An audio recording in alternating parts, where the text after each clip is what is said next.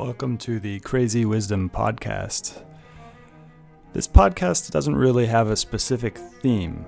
Uh, it covers a lot of my interests, it co- covers a lot of other people's interests. It goes into philosophy, spirituality, business, uh, how to live a good life, many different things. Ultimately, I don't believe in having themes for the things that we do. We can categorize the things, and obviously, we categorize things all the time. Uh, but I like to keep things open ended, a continuous process of discovering the truth as it is. Uh, and the truth is tricky because we can't really get to the truth uh, exactly because the truth is nonlinear. It is, in the words of John Vervaeke, combinatorially explosive. Uh, even the truth of this window that I'm looking at, the window itself, the glass that makes up the window is combinatorially explosive. The cup that holds your water is combinatorially explosive. You cannot model that cup totally in your head. You're only getting an image of it in with your eyes and your brain. That's not the actual cup itself. Uh, so this this show is a discovery of truth wherever it may appear by talking to people from various different fields. I've talked to artists, engineers, entrepreneurs, investors, uh, refugees. I've, I've just talking to anybody who has a glimpse into the truth. Uh, and through this conversation, through this mutual inquiry into what is true, what is real, hopefully we get to something that is helpful for to you. Now, we are in a time of crisis right now, uh, but it is in those times of crisis that we find our strength. And so, this show hopefully will help you to find the strength that is resting, that is deep inside of you, that is part of your birthright as a human being, uh, and find that strength so that you can get through these difficult times. Also, I want to let you know that I'm offering breathwork sessions uh, every day. I've got seven sessions a day. Uh, and really excited to bring this to people. People have been really enjoying it, and it has brought strength to people and courage. And, and that's my that's my goal is to help you find the courage to uh, not only survive but to thrive in the next couple years, maybe because this virus is not going away. Um, it, it, usually viruses come in waves. Uh, so this is the first wave. It will go away, and then it might come back. I'm not saying that I know for sure it will come back, but we are in this for the long haul. So this is a uh, marathon, not a sprint, uh, and I want to do everything I can to help you not only survive but to thrive. Uh, so. If you are interested in that, please find me on Twitter at Stewart Alsop III. My DMs are open. I'd love to hear about what you think about this show. Uh, also, it'd be very, very kind of you to both subscribe to the show on Spotify, Stitcher, uh, iTunes, many of the major pot plat- platforms. And if you're really feeling generous, go ahead and give a review on iTunes. So join me for the breath work. Just send me a message on Twitter at Stewart Alsop III with your email, and I'll add you to the email list where I'm sending out emails for the schedule. Uh, hopefully, see you there. Have a great day. Welcome to the Crazy Wisdom Podcast. My guest today is Francis Pedraza. He is the CEO and co founder of Invisible. And I think uh, we've now done three or four episodes basically on a wide variety of topics. So, welcome to the show yet again. He keeps inviting me back. I don't know. He's putting he's putting the crazy and crazy wisdom. Yeah, you got you got the line. You got that line between the crazy and wisdom. sometimes I don't I don't know. I dance that line for sure. Uh, so what's new? Um, since we last talked, uh, that was before the pandemic. So, so we're living in a new world, I think. No, we talked. Uh, we talked during the pandemic. Yeah, in the talked, summer, I think. Yeah. Yeah, one time. Yeah, like six or seven months. Uh, it was an, during the summer when I was evacuating from a fire, so it was a really in, in, intense uh, period for me. Um, um. I'd say so. So I mean, the world has changed a lot, um, but in terms of my life, um, 2021 in New York was like 1929. It's incredibly cathartic, um, hmm. uh, like party or like a lot of Dionysian energy in the city. Lots of concerts, uh, lots of dancing, lots of music, um, and uh, and obviously like boom boom economy. Uh, and now it seems like um, even kind of faster than I expected the credit cycle has caught up with us and and we're in like gearing for a recession but i still feel like that post covid party energy is still here. Like, you know, 2021, there was still a lot of travel restrictions. People are like still excited to, to travel and, and go back to normal life. Um, so your guess is as good as mine as to how uh, it all plays out in terms of the macro environment and the cultural environment. Um, uh, usually they're correlated. Maybe they're uncorrelated. Maybe we'll just keep partying through a recession.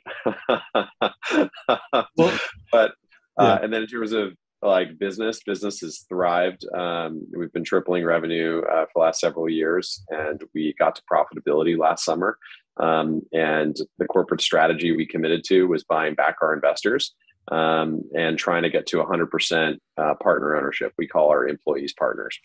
Mm. Um, and uh, so um, uh, things have gone, you know, really well for us, and I'm grateful for that. And uh, in theory, our business should be um, recession proof, or you know, like we, um, Invisible uh, is um, uh, outsourcing and automation as a service. It's like ops as a service, and it's so it's an amazing way to cut costs. Um, we're selling efficiency, and in a in a recession, that should be really good. Um, but uh, um, we've never had a recession, right? This company is seven years old. Uh, our seven year anniversary will be October 1st. So um, I'm excited to put put it to the test and see see if we can get through it. And how how do you buy back shares from investors? What does that look like? Um, so the the simplest metaphor for it is um, if uh, you know the ownership of the company is a pizza pie um, and you buy back shares, there's just you know fewer slices, so the remaining the remaining people all have more. Um, it's like uh, slices get deleted, so what used to be that slice, every other slice gets bigger. Um, so that's like the simplest way of of uh, thinking about it. Mm-hmm. Um, in terms of the mechanics of it, um, you actually can't, almost by definition, or it's very difficult, very unusual, to um, to buy back shares uh, with profits um, because the more profitable you are, the more valuable you are. So uh, the more profits you have, the less willingness there is to sell at any given price. So it's kind of like a Zeno's paradox, or like it's always escaping, it's always receding into the distance. So um, the way you buy back equity is with debt, uh, but the way you finance the debt is with profits. Um, so um, uh, I, um, uh, you know, last year we bought back like 13.5% of the company for $5 million. Um, and this year uh, we may buy back anywhere from 5 to 8.3% of the company uh, uh, at a $100 million price. So for 5 to 8.3 million dollars. Um, and um, you know, so so by the end of this year, we might have call it like $12 million of debt outstanding. Um, but we'll have bought back a very large percentage of the company. Um, and so, um, you know, mm. this is a completely different way of thinking about the strategy of, uh, of a company. Um, most people uh, think about success in terms of equity raised. Um, so uh, if I raise $10 million at a $100 million valuation, I'm so proud of myself. Wow, I just raised $10 million. Some investor thought my company was worth $100 million. Am I great? Am I successful? And, you know, maybe the Wall Street Journal will write an article about your company and you'll send it to your parents and say, look, mom, look, dad. And instead of hosting a party, they should host like a funeral or something. It's, uh, it's, it's tragic uh, because um, if you take your company from a $100 million valuation to a $10 billion valuation, that 10 million that you raised uh, ends up costing you a billion dollars and it's still not paid off. They still own 10% of your company. So if you take that $10 billion company and turn it into a $100 billion company, that $10 million uh, that turned into a billion has now turned into 10 billion. Um, so it, um, equity is, is, is true, is actually horrifically expensive in terms of cost of capital.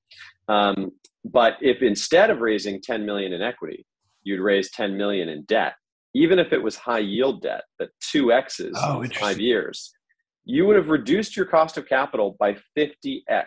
So instead of that 10 million, 100 Xing uh, to become worth a billion, um, your 10 million would have just 2x and it would have been worth 20 million. So you would have had 50x lower cost of capital. And at the end of the period, it would be paid off because it's debt. It's not still riding. Um, and it's amazing that most uh, most tech CEOs actually couldn't pass the finance 101 test that we make all partners at Invisible pass, even if they're not on the finance team. And the and to be to I'm not saying that as a brag. You know, I I don't have an MBA. Um, nobody ever taught this to me. I learned all these things the hard way. And you know, now that I kind of sort of learned uh, um, a lot of these things, I'm looking around and I've actually like interviewed a bunch of finance candidates that have had like pretty you know impressive resumes, and even they actually don't know a lot of these things. So uh, I am kind of, and I've you know I'm preaching from the you know uh, sort of uh, shouting from the rooftops now this message around cost of capital because it's a complete reframe. It is, and it's very interesting. It, I, I, imagine that your investors that are currently there are incredibly aligned investors right now. Um, yeah, something I've been thinking about a lot. Um, yeah. How, how, did you set up the Finance 101 course for people who work for you? Um, okay, so uh, I basically wrote an email uh, to the company, and I'm like, here are all the questions I ask, um, and here are the answers. Um, so I'm giving you a standardized test. I'm telling you how to cheat. Um, so you better know these answers for sure. Um, but this isn't just about rote memorization. This is about understanding the actual principles behind it. Um, and so um, uh, there, um, uh, Heidegger has um, uh, a, a, a, word, I think it, it, translates to something like the unsaid or the unspoken, the implied, right? So there's a lot, even there's a lot of, I'm giving you a bunch of questions with answers, but there's a whole bunch of questions that are implied by these questions that I mm-hmm. may ask you. So I may ask you any number of questions that aren't here in this provided list that I would expect you to know the answer to. Because if you actually, if you're not just parroting back the answers to me, if you actually understand the answers to these questions, you will also be able to give me answers to the questions that aren't on the list. Um, and uh, and so I'm looking for like a you know a true understanding there. Interesting. Um, it, it, um, changes the conversation internally. The reason you might your listeners might be thinking like, so why? You know, what? Why is that? Why is that useful? Why? Why do engineers need to know answers to? Why does an engineer need to know how an income statement works? And um, what it does is actually it eliminates paternalism. Um, so in most employer-employee relationships, there's a lot of paternalism and that any paternalistic any paternalistic dynamic is set up for various types of abuse. Um, and uh, and there's it's it's funny some of the abuse may be is actually generally well intentioned um, uh, and i'll give you an example.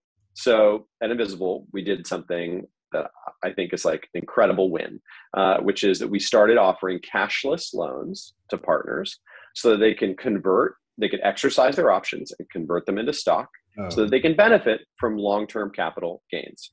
Now let me just explain this because this is like it's actually very like you know third grade reading level really simple. So um, let's just say um, you've got um, uh, you got a, a, whole bunch of options um, and the strike price on the options is like a $5 million valuation okay?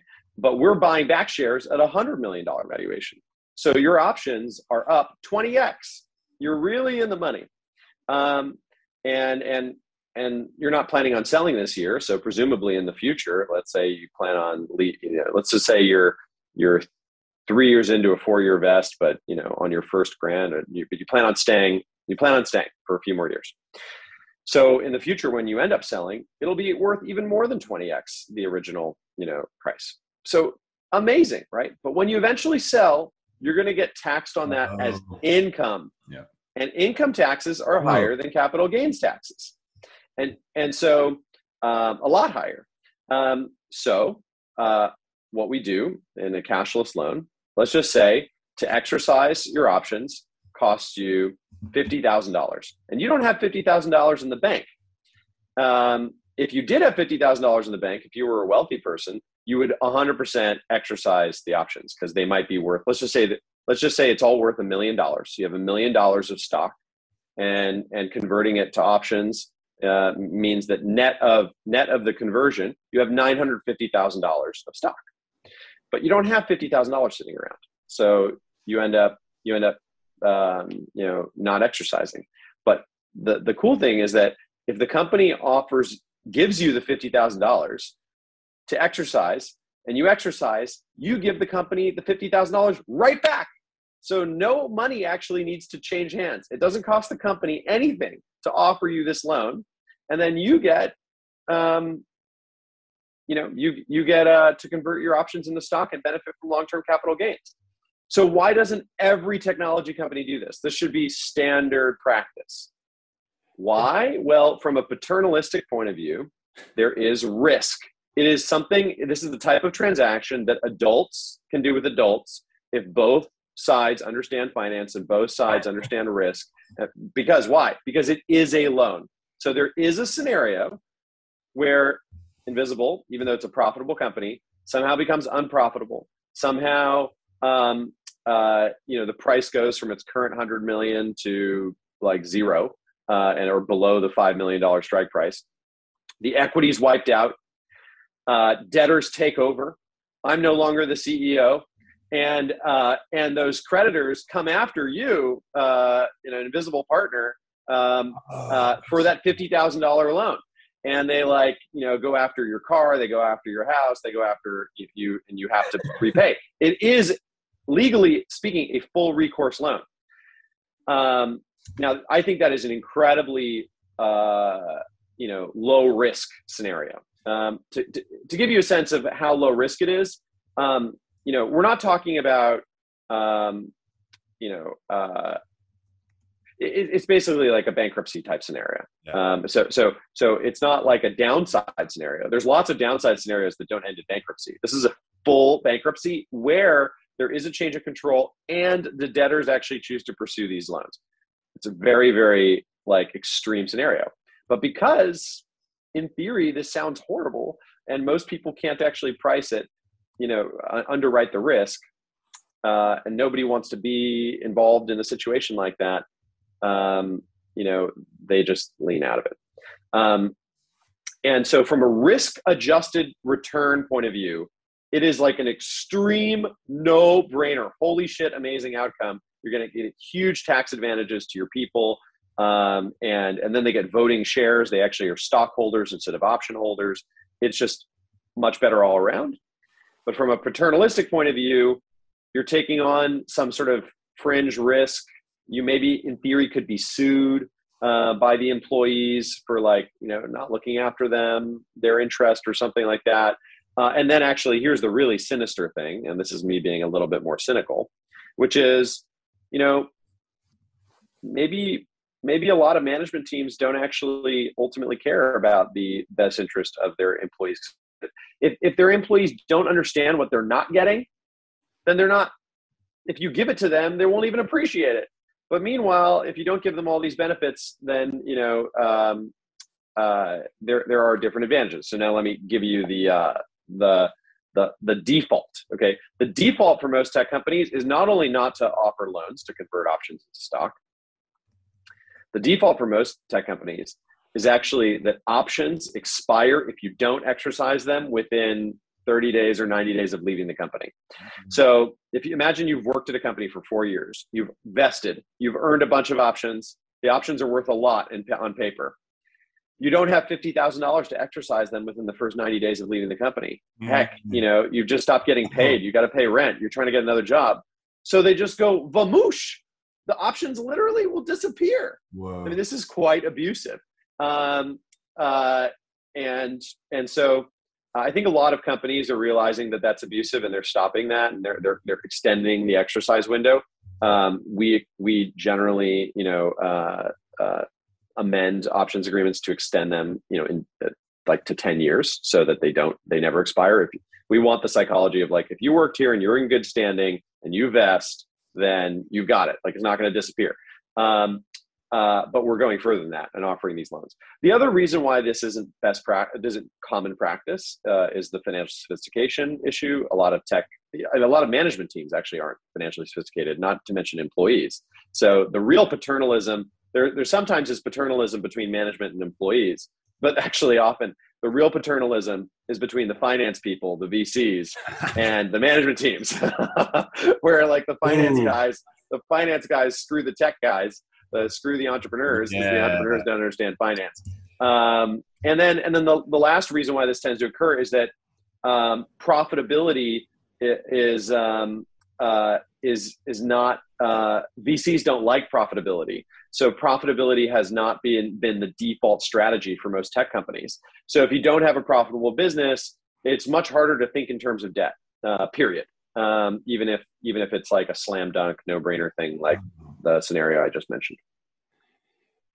This gets into a lot of things. I mean, the the big overarching question is where do your ideas come from, um, and uh, are how much are other people related to? Does it come up in conversation? Does it come up in the shower? Does where where are those ideas coming from, and how do they most effectively get opened up into the universe? Um, the other there's a, a lot of questions. Um, yeah. Uh, the the maternal. I want to understand the paternal and the maternal uh, elements that go into a company. My imagination yeah. to saying that HR, human resources, is, is kind of the maternalistic area. Um, but mm, what, mm, mm. what are what are those kind of upsides, downsides to both paternalism in a company and maternalism in a company? Wow. Um, great question. Uh, I love that you went in that direction. Um, uh, bef- which which question do you want me to answer? Where do my ideas come from, or the maternalism, paternalism? Let's go with the maternalism, paternalism. Yep. Okay. Um, hmm. um,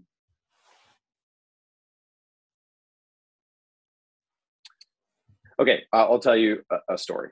Um,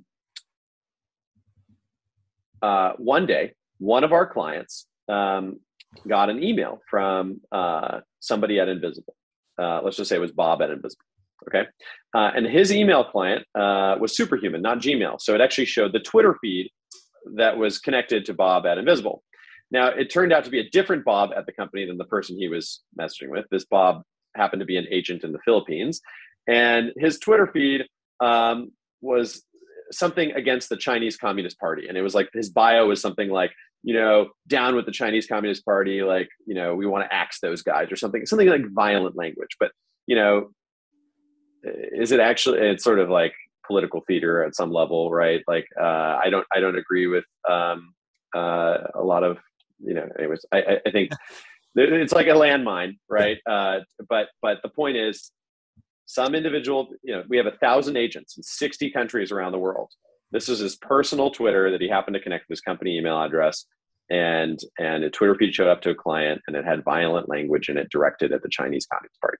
And this client is, you know, um, a New Yorker. Uh, so let's just assume that the person is center left and very sensitive uh, to to any sort of language like this, mm. and sends sends us a complaint.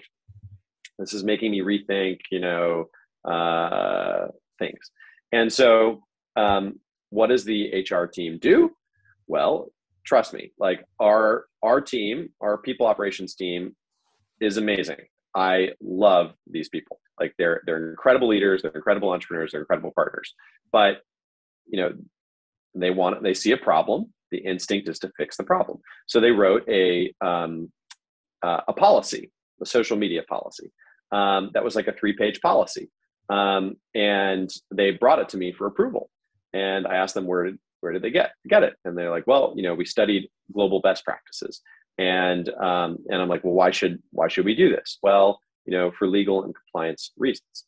Um, and um, you see, you see where this is going. Um, and, and then, well, what does the policy say? And I tried to read it and it was like, uh, had lovely language. Uh, it was very well written, but it was very unclear what it actually was saying. Like what what's allowed, what's not allowed, what are the consequences. Um, it was definitely not written at third grade reading level, and it was not bullet points, right? It was not actually clear what was happening. It was illegible. And then and then they said, well, you know, we can choose when to enforce it. And I was pressing them on it, and I don't think they were really thinking about what they were saying. I'm like, wait, selective enforcement, the definition of tyranny? You know, like neutral enforcement is the only really fair thing in a situation like this. And we're talking about people's free speech. So you see how a maternalistic instinct, you know, the road to roads to hell are usually paved with good intentions. So maternalistic instinct to take care of both our our team and the client um, and do something good uh, and write a beautiful policy, um, you know, it's very well intentioned. um, but it's suddenly you you're you're basically following best practices without questioning them and trying to reduce risk um, and uh, being very conscientious. But suddenly you you create this this policy that then, from the point of view of say somebody like me, I'd be you know is is like potentially tyrannical, right? So we decided we had a conversation. We decided to actually go the other way. Um, so our our broader the broad principle that we have at Invisible when it comes to free speech is minimum viable alignment. We try to be neutral. We try to be like Switzerland. Um, so you know we want Republicans and Democrats and independents and, and people you know with with all kinds of political views at the company uh, as long as um, we don't bring all that politics to work as long as everyone agrees with the mission of the company, the values of the company, and where we're going. And and so you know another classic example of this is Ukraine. You know this whole Ukraine thing happened, and a bunch of people asked me, "Are you going to make a? Is the company going to make a statement on Ukraine? Is Invisible does Invisible have a policy or view on Ukraine?" I'm like, what does it have to do with us? It doesn't have anything to do with us. We don't have any people there uh, as agents. Um, and and um, and if if the company takes an official position, it suddenly like doesn't allow all of us as individuals to have our own individual positions. So I have my own individual position, but I'm not going to impose it on you. Um, and so it's this type of thing. And so we try to go the other way, which is that any policies that we we we we make, we want them to be at third grade reading level, bullet points, incredibly clear, incredibly minimalistic. So an example of something like that would be if you're threatening violence towards another individual, that is a, a, a, free speech violation. That's a limit to free speech, right? Like we don't mm-hmm. we don't want to endorse violence. Like we don't want any any invisible team members, you know, um, uh, endorsing um, endorsing violence. Okay, that's that's a that's an example. Even that one is actually kind of a tricky one, right? Because you think about edge cases. Well, do you support the war in Ukraine? Okay, if yes, then you support violence. So so it's like, well, where's the line? Well, um, it, mm. it, and and you, you see these these paradoxes arise all the time. I don't know if you've been following the whole ESG uh, movement, um, uh, environmental, social governance. Uh, you know, it's it's it's um, you know the ESG people uh, have said you know you should invest in ESG companies. You want high social impact, invest in these companies. Don't invest in these companies. Well, then all of these all these people, of course, they support the war on Ukraine.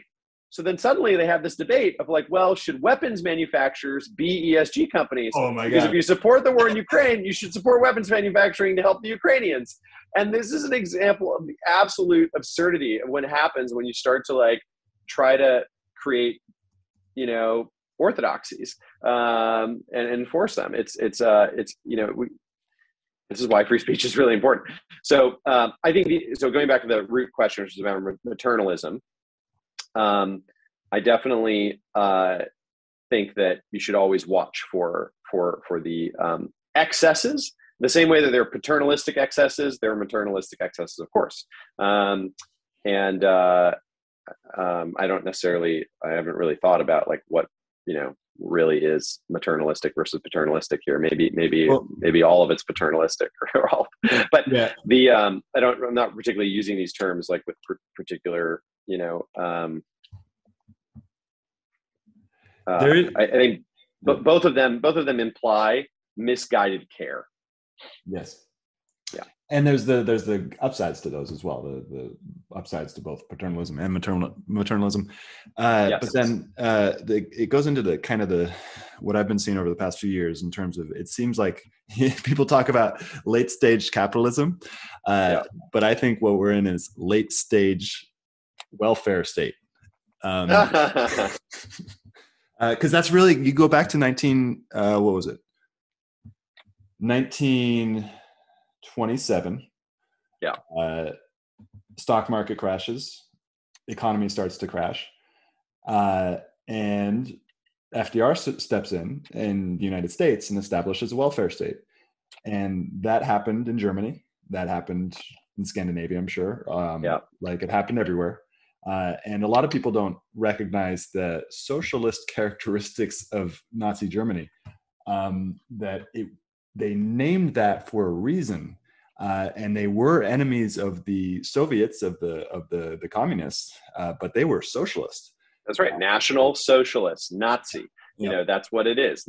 Nobody wants to talk about this. Yeah. Yeah. And so yeah, they set up they set up a, a welfare state, and it was total uh, among all developed countries.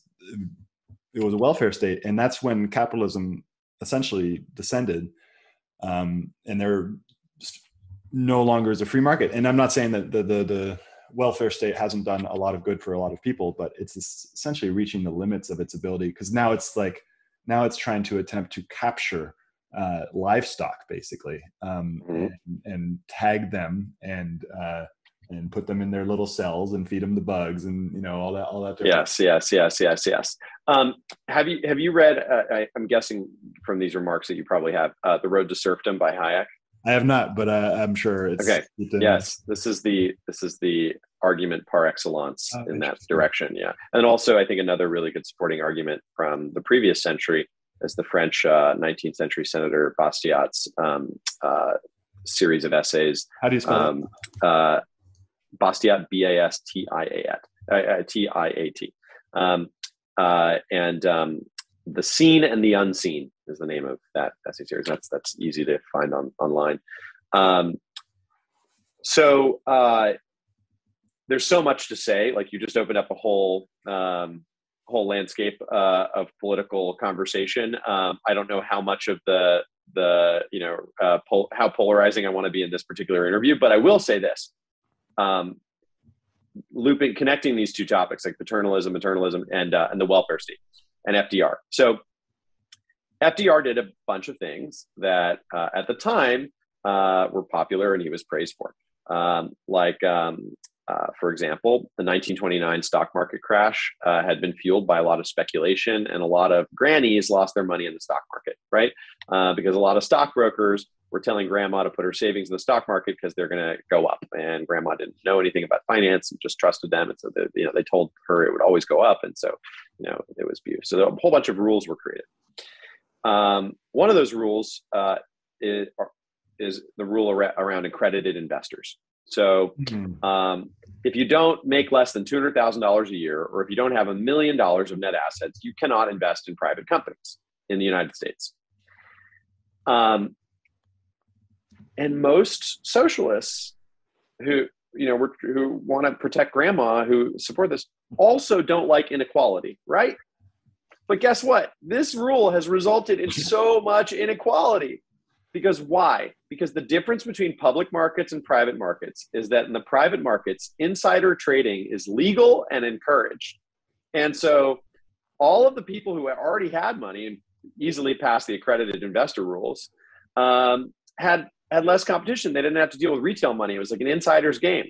So they got to do all these amazing deals. Um, and uh, and take Facebook from let's just take facebook as an example right? Like you know you want to be an early angel investor in facebook great. You come in let's just say the first deal i don't know what peter invested at but let's just say it was a $50 million valuation high let's suppose amazing seed round uh, very high price great.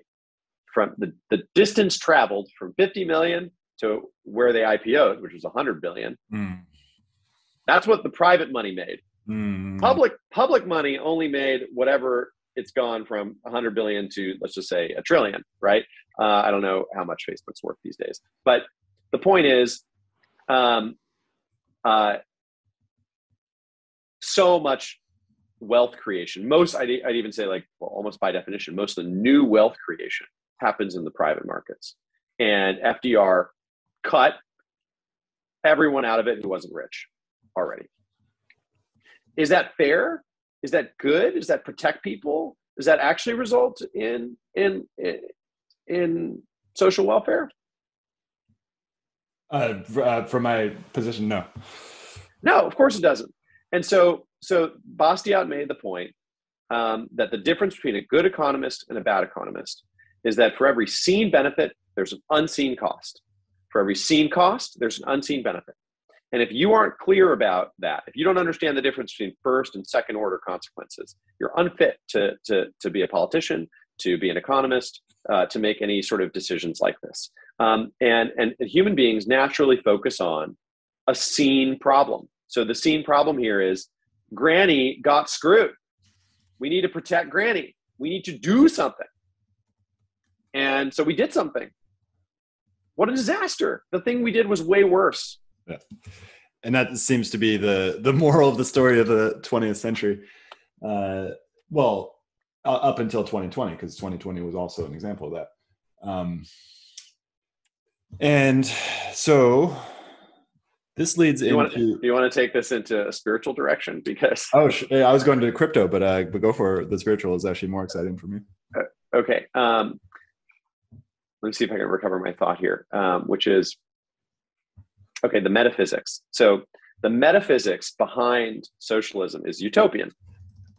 Okay, so uh, can you conjure up to your mind the image of the Windows 98 screensaver yes. um, with the green hill and the blue sky and the sun shining? there's a whole there's a whole metaphysics behind that that screensaver, which is that someday in the future, the whole world will be like that. The whole world will be the green hill, the blue sky, the sun shining. There will be no problems. All problems will be solved. We'll have heaven on earth.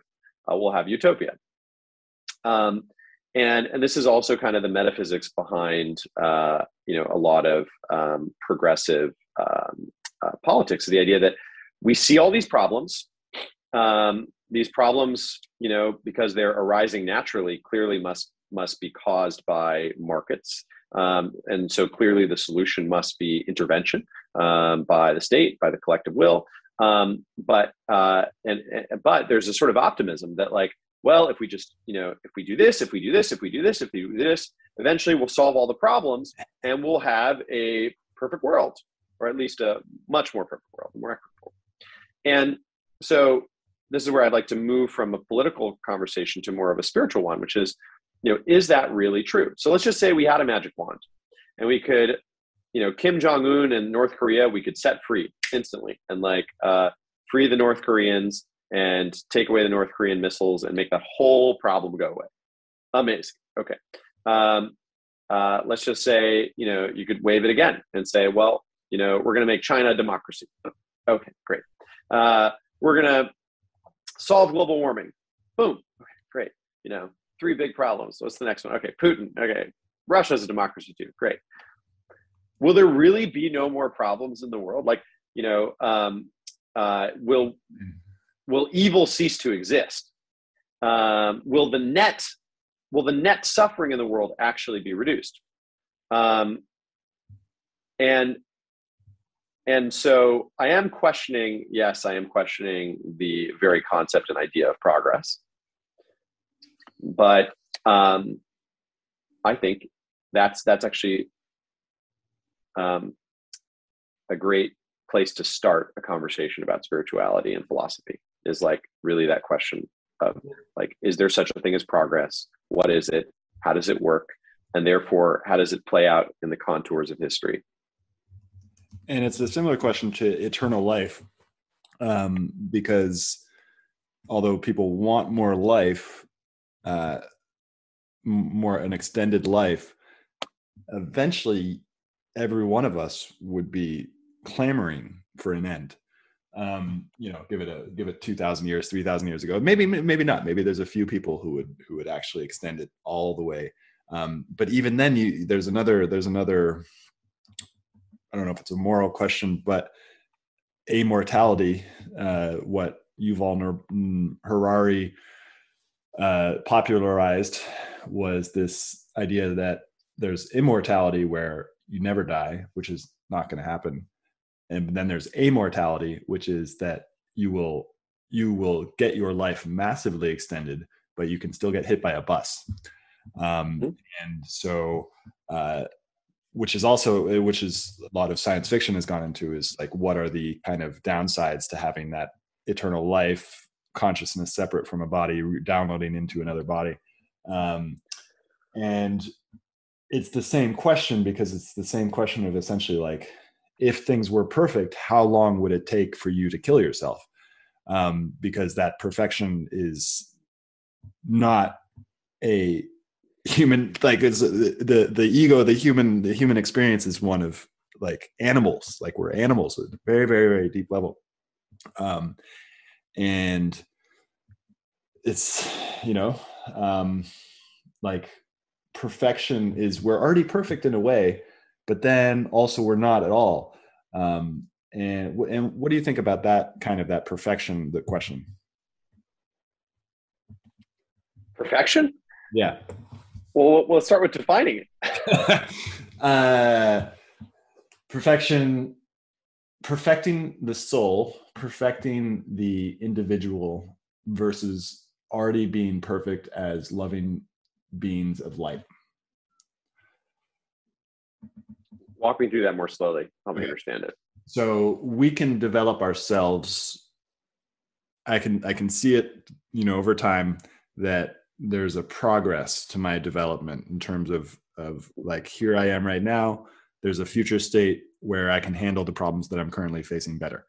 Um, and th- that's like over a period of time. But then there's the current state that i'm in right now which is a, a being. I'm being right now. We're both being and there's no conditions on that being. It's just happening. That state seems perfect um, but i am often unable to stay in that state of just that i'm perfect the way i am. Uh, and and i because there's this mm. gap there's like this gap mm. between between where i am right now and where i want to be. Mm. and i'm not there. And, and uh, but then uh, yeah so that but but there there seems to be perfection and that's what people would usually consider god. Um but uh yeah what do you think of that? Yeah um so uh i i've been reading the mahabharata um, which is uh, the Indian uh, Iliad. Uh, it's it's like the Greek Iliad, uh, or the Persian Shahnameh, or the Norse Edda, or the Lord of the Rings, or something. It's this like incredible epic.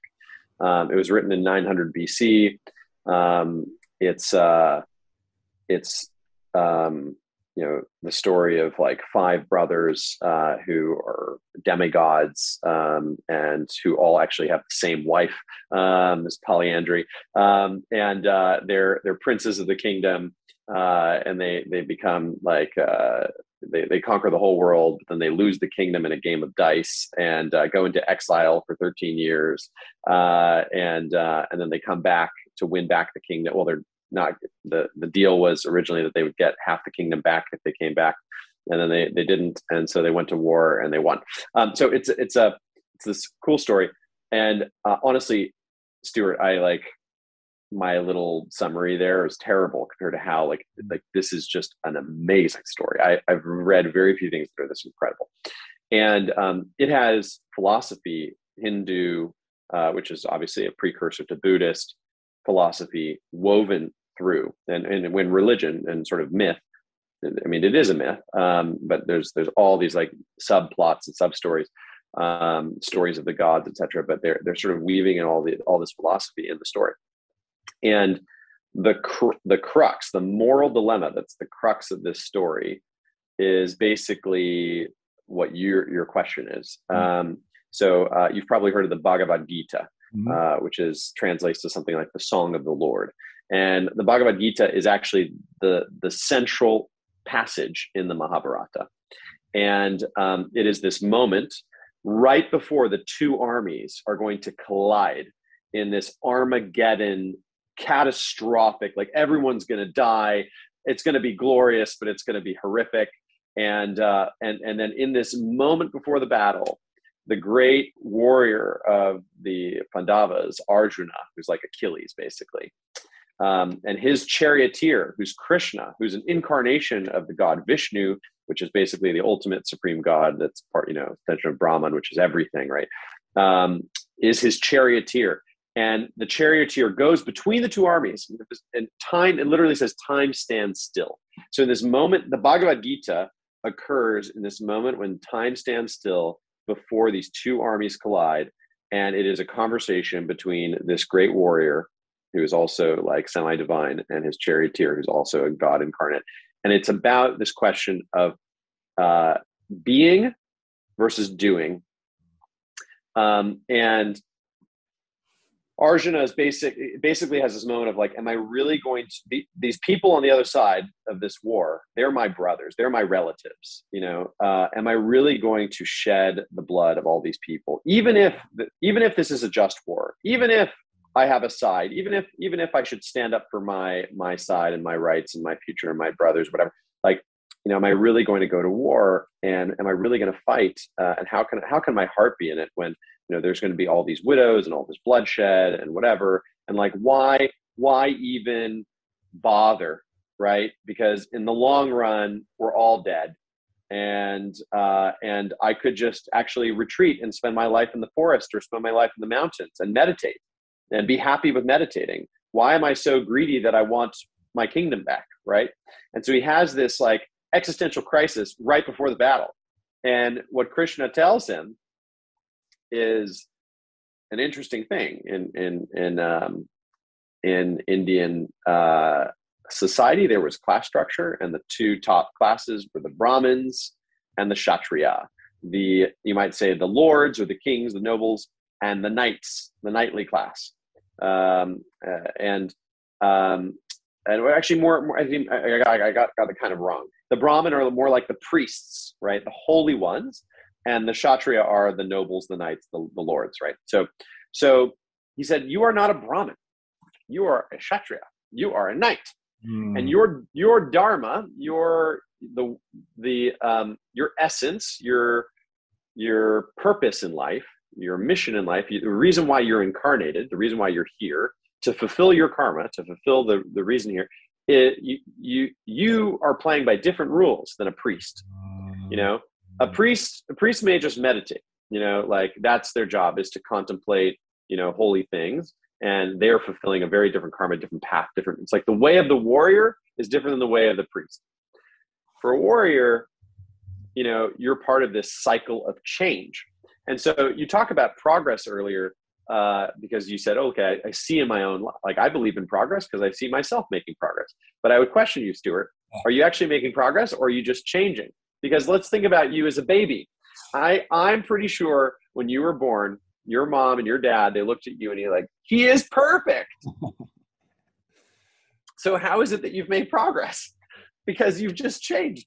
Uh, like, you know, you've certainly made progress in some ways. Oh. Um, uh, but for everything you've gained, you've also lost something. So, so there is this in Indian and also in Chinese philosophy. We can talk about the whole ancient Chinese way of looking at this. I've sort of briefly talked about the Hindu thing, but they also had the same thing, which is that they saw this cycle of changes. You know, everything is changing from one form into another. Um, you know, uh, we now have roads and Teslas, and once upon a time we were cavemen. But there's a lot of things that are absolutely gorgeous about, like, you know, the idea of being cavemen. Like, I'm sure that there were many things that were pretty awesome about that life, some things that were pretty awful. Same way, there were some things that are pretty awesome about our life, and some things that are pretty awful.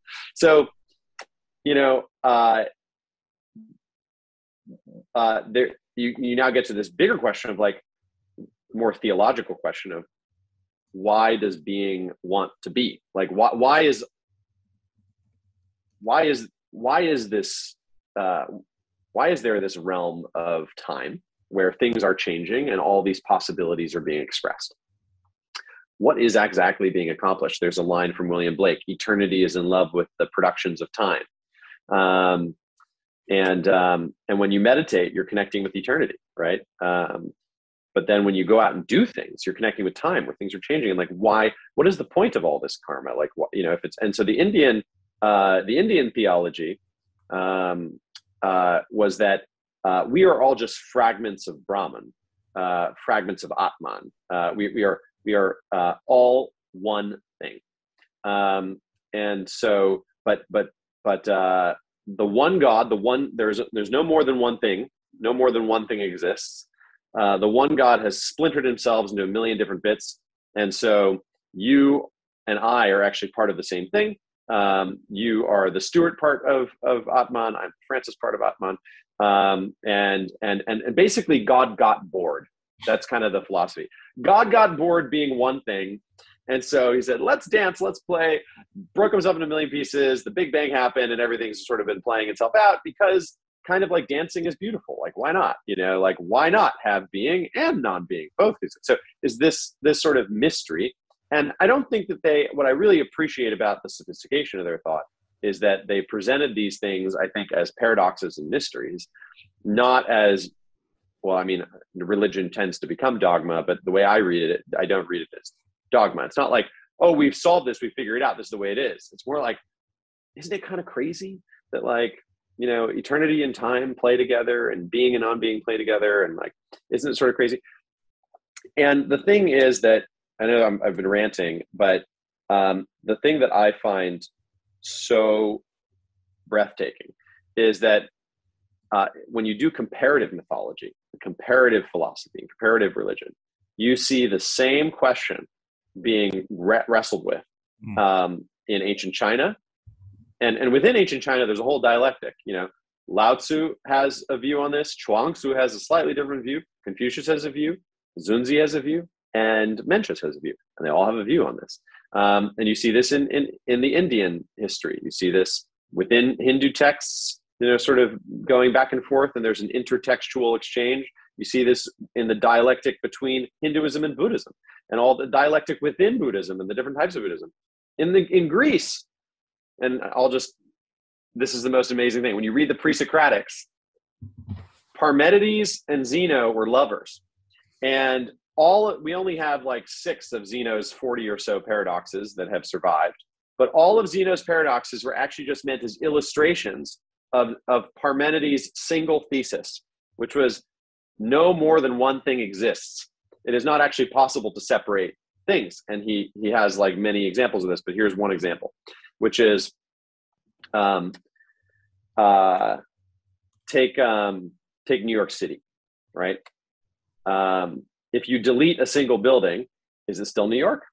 Mm. Yes. Okay. What if you delete two buildings? Is it New York? Okay. Well, is New York this year the same as New York last year? No, it's a little bit different. But is it still New York? Yes. So what is it? And you realize, well, very quickly, you can start pulling this apart. You'd be like New York 100 years ago, 200 years ago, New York 100 years from now. It's still New York. Okay, then what is New Yorkness? Like, what do we actually mean when we say New York?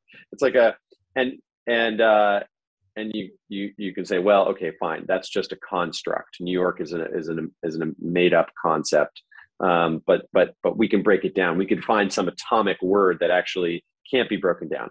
And when you actually play this game out long enough, you realize, oh shit, Parmenides had a point. Like um, there are really um, there are no clear cut lines between things. Everything is sort of contingent and networked to everything else. Um, and uh, and and so yeah, and this sort of ties into questions of fate and free will. But I'm gonna I'm gonna end rant because I've, I've I've created a really proper ball here, a ball of string. And I'm taking notes on this, and I got all the questions that'll yeah. Five years to get through. Um, yeah, uh, and we've got we probably want to end it in ten minutes or so. Okay, great. And uh, are you, this will leads back into the cryptocurrency because I'm so curious about it, particularly given the last 48 hours. Um, uh, are you involved whatsoever in any crypto? Yes, um, I am a shareholder in Numerai, um, oh. and uh, and also uh, our family holds Numeraire. And that's the only one. Yes. Wow, interesting. Okay. Oh no, sorry, sorry, sorry, sorry. Also, I I've been a holder of Bitcoin for okay. a while. Yeah, yeah. yeah. Uh, and so, um, have you heard of Urbit? No. Uh, so Urbit is a uh, new decentralized peer-to-peer operating system um, that is rebuilding Unix and Linux. So it's like Ubuntu, but it's imagine that you squeeze the whole internet into Ubuntu uh, and made it able to go onto different machines. And uh, and so it's totally based on privacy, and I do believe that it will become the real estate uh, for Bitcoin's payments. Um, and very fascinating, uh, and also uh, you in particular would love it because it's you own all of your data, um, and uh, and you can take that data with you wherever you go, and it's a whole new way of thinking about it, which is is fascinating.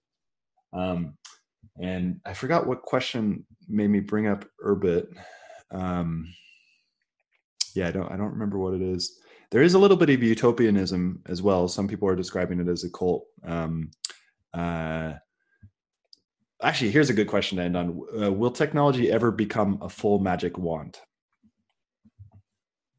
Find a full magic wand. I do. So so um, I'll, I'll say this. So uh, we um, I've written a first draft of a kind of manifesto um, for a venture fund that I would like Invisible to start called Visionary Ventures. Cool. And um, you know, we have this now that we're a profitable company for the next 18 months, we're going to be reinforcing the balance sheet. But in 2024 and beyond, I think we're going to be throwing off more profits than we can reinvest and that we need to keep on the balance sheet. And so, what I would like to do is invest in startups. So, one of the things I would like to do is to invest in startups. Um, but you know, why does the world need another venture fund? Uh, I don't want to just competitions for losers. I don't want to just be yet another VC. Um, and um, uh, it's un, it's actually uncool and unsexy. Like everyone's a VC, so like, well, you know, what's what's new, what's special? And my whole take is this: the Turing test is the paradigm of Silicon Valley, and the Turing test measures um, technological performance against human performance. So the assumption is that someday computers will surpass humans in every way. That's how you define progress. Um, and so it is it's you know behind all the hype of, of oh we live in an exponential age there's actually an underlying pessimism. It's not a humanistic way of thinking. Um, uh, the and so i think the politics it leads to is ubi the politics it leads to is you know somewhere between um, you know uh, sipping slurpees uh, on spaceships with WALL-E um, you know, so that the robots take care of us and uh, and we're all unemployed um, because computers are better than us in every way. Uh, so we're all just like fat and happy, sort of like uh, robot nanny state socialism or something. And then the frightening version of it would probably be the Matrix or something, mm. um, where we just get harvested. um, but uh, I propose a different test, which I call the Da Vinci test um, which is measuring present human performance against past human performance. So, a way of thinking of it would be, you know, uh, wh- when will the average person in the 21st century, with our MacBook Pros and our iPhones and the internet, um, be able to beat Leonardo da Vinci in a creativity contest or a productivity contest? And that may seem, you know, uh, a little bit fuzzy. Um, uh, as a as a concept, but there I think are a number of ways of measuring productivity uh, and there is, I've got a book right here, um, The Rise and Fall of American Growth by Gordon, uh, that actually talks about how, you know, um, uh, we actually may be in a productivity crisis where productivity isn't increasing, even though we have more and more tools. Um, so there's this question of, you know, what to do about that. Um, but it is a more humanistic paradigm for measuring progress is what I call the wizard and the wand, right? So in, in, in a Turing test way of thinking, the wand replaces the wizard. There's no more wizard. It's just wand. Uh, it's pure tech. You know, machine re- machine replaces human. In a Da Vinci test way of thinking, the wand and the wizard co-evolve. Uh, the the wizard uses the wand and uses it to become more powerful. It gives gives the wand meaning and purpose and direction. Um, and there is a kind of Ricardian uh, gains from trade. Humans do things they're best at. Computers do things they're best at. Um, and so uh, I, I don't, you know, will your question, will technology ever be a full magic wand? Um, I definitely think the the essence of technology uh, is is is some somehow to do with um, uh, reducing the distance between thought and action. Right, like you have will. I will something to be, and then it comes. So, like a good example of this would be like DoorDash. Like I want food. Oh, here at here at my door. It's a magic wand. Um, uh, so I think within material limits, uh, technology will actually move further and further towards you know magic wand like qualities where the, the distance between will and the fulfillment of will will continue to shrink. But this still begs the question where does the will come from? And and and will will is a fundamentally human attribute. And what you make with will like the wizard is fundamentally like more interesting than the wand. Um so uh, four more minutes left how does someone stuck in a UBI mindset um, uh, understand the potential they have?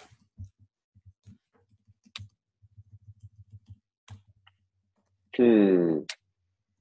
Um, the question implies conversion, um, and and and the question, sort of the question behind the question is like, you know, should we try to convert people who disagree with us? Yeah, interesting and I think it's a very kind of like Christian proselytizing idea, you know. Um, and maybe a more fatalistic way of looking at things is that, um, you know, uh, or maybe uh, uh, Calvinistic, say, say, stay within the Christian tradition, say, you know, predestination, like, you, you know, either either you're a believer or you're a non-believer, you know, uh, either either you get it or you don't. Uh, and then maybe the the the the Zen or the sort of Eastern approach to enlightenment uh, is like uh, enlightenment can come at any moment, but it's going to be unpredictable.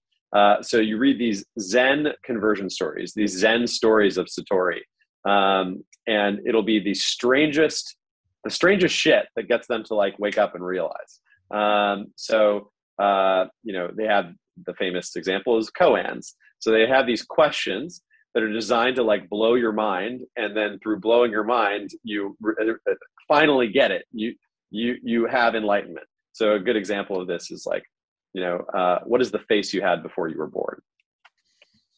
or what is the sound of one hand clapping?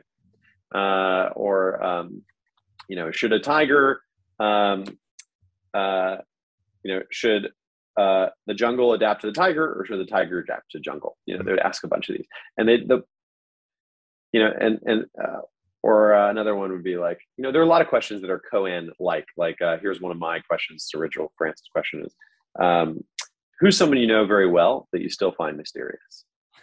That's a good one. Uh, um, and you are a you, my friend, are a master of questions because what? And I would like to just you know uh, expose you for a little bit for the wizard you are uh, to your audience. Um, as Stewart has been asking me questions, he's got a Google Doc that's here on the right side of my screen. And, you know, for the, I don't know, maybe he's asked me 10 questions during this interview. Um, he's literally written a hundred. Um, so for every one question he asks, he's generating 10. He's a machine. Um, it's really impressive. Uh, thank you for that. And so, for the last minute, uh, what is your main um, priority right now with your company, and who are you looking for to hire if you're hiring anybody? Okay. Um, level one answer is um, uh, main priority for us is uh, getting to 20 million of revenue with one to two million of profits this year, and next year doubling revenue and hopefully more than doubling profits because as the top line grows, the um, uh, the um, uh, there are a bunch of costs that don't scale with revenue, so we should be able to. If we double revenue, we should be able to way more than double profits. So that's that's the goal for the next 18 months. And the goal behind the goal is maybe level two thinking is like the two risks we're trying to eliminate over the next 18 months are concentration risk and balance sheet risk. So we've gotten to this size with only 20, or sorry, sorry, with only um, 20 million revenue with 80 clients roughly. Um, so uh, if you know the more clients we have, the less risk is concentrated in any one account, and the less risk there is in the business model, and the more network effects there are. So, so we want to you know reduce concentration risk and also balance sheet risk. Like uh, the more profits we pile up, the harder it is to kill us Sun Tzu said, "Don't worry about victory; remove the possibility of defeat." Hmm. So we want to pile up a bunch of profits. So that's sort of the strategy over the next 18 months. And then your question around, you know, hires that we're prioritizing. Um, uh, we are looking for people on the growth team. So uh, what traditionally is uh, marketing, sales, customer success, um, but um, the, the thing is that we're you know on our website it literally says no on our hiring page it says no employees allowed. Like we we have we have a very unique culture and this uh, relates to the way we sell. So um, you know we don't have we're not selling a product we're selling a service um, and so if we if we hired like a gi joe salesperson who's just ready to sell widgets it'd be the wrong person. We're actually looking for uh, people that are very entrepreneurial very consultative um, who want to you know basically go to companies and map all of their processes for free uh, and get really into the guts of like their company's operations and how they work. Um, uh, because once that we've mapped all their processes and encouraged them to delegate it we're running the operations and billing them unit by the unit price and getting more and more efficient at it and that's how we make our money right so we we we, we have our salespeople sort of operating as partners, not just with each other with, within the company, because we call ourselves partners. That's our internal team dynamic. But also, we really try to be operations partners to our clients. So, so we're looking for like growth leaders who are excited about taking us from 20 million of revenue to 120 million of revenue. By the way, fun little footnote there is one of the deals I did with our preferred investors when we committed to the buyback strategy is um, as we grow revenue to 120 million, we are unlocking an additional 20% in performance based uh, employee stock option pool expansion. So, um, labor uh, will own 20% more of the company by the time we grow. And so it's very funny because you know that I'm a, I'm a capitalist, right? But I find myself in this position of almost being like a trade unionist or a Marxist standing up for labor. Um, because, and it makes sense in a capital efficient company yeah. that's profitable and growing the majority of the value is created by the labor. The capital created the value in the past. Like we raised seven and a half million from angels and VCs, and and and it took five years to get to profit. Five, almost six years to get to profitability. Um, five years, um, and then from here on out, who's creating the value? Not the capital. They created the value. They created some value in the past, uh, along with the labor. But from here on out, all the value is being created by the labor. Uh, so it makes sense that you know the majority of the equity should be owned by the labor as well. Uh, and that's why we're re- we're buying doing all these buybacks and recycling back in. So uh, and the cool thing about the performance based ESOP thing is that it's a win win. The investors win too. Like what the investors get is wow, you know, if you can really grow this thing from 20 million of revenue to 120 million of revenue, um, that's 6x on the top line, which from a valuation, whatever multiple you apply on top of that, mean, wow, our equity is going to be worth so much money if you do that. Oh, 20% dilution is totally fine if you can, uh, you know, uh, 10 to 10 to 20 or 30x the value of the equity. Yeah, go for it. You know, so it's a, it's a win-win. And uh, um, uh, so, yeah, we're looking for people who are excited about that growth journey. Very cool. Uh, thank you so much for coming on the show. Thank you for having me. Your questions are the best. Hope you enjoyed this episode. I'll be publishing episodes every Monday, Wednesday, and Friday in the morning. If you did enjoy this episode, please find us on iTunes, Spotify, Stitcher, many of the major podcasting platforms, and go ahead and give us a review. And also subscribe. And as always, I'm on Twitter at Stewart Alsop III. Come join the conversation as we aim towards the truth. And the funny thing about truth is that I can't really put it into words because every time you put the truth into words, you create a linear narrative out of something that is nonlinear. The truth is nonlinear. It's not. It's it's. If you really recognize the truth right now, your mind wouldn't know what to do. It'd be overwhelmed by beauty, and pain, or it's it's something that is beyond our linguistic capability to represent. But that doesn't mean that the language isn't helpful. Language can point us in the direct, right direction, but it's it's not it's not the truth itself. And so, come join this collective inquiry into the truth. Find me on Twitter at Stewart Alsop III. Uh, subscribe to the podcast. Share the podcast with your friends. Uh, most people don't have the ability to let go of this linguistic understanding of the way that the world works and just aim for the truth, regardless of what the language tells us. Uh, and so I think what I'm doing with this the show is is necessary for us because as we enter this stage of uncertainty, uh, and we are most definitely entering an age of uncertainty, and as we do, it's really really important that we stop paying attention to what the mind is telling us all the time doesn't mean to say that the mind doesn't have its place. The mind obviously has its place, but it's just one of the senses. It's just one of the tools that we can use. We can use the mind, we can use the feelings, we can use our actual senses. Uh, we can check our intuition with other people because sometimes the intuition tells us the wrong thing as well. Sometimes the intuition is wrong. So it, we can't we can't rely on any one tool to get us there. So come join the show. Find us on iTunes. Find us on Twitter at Stewart Alsop III, uh, and come join the, this inquiry for truth.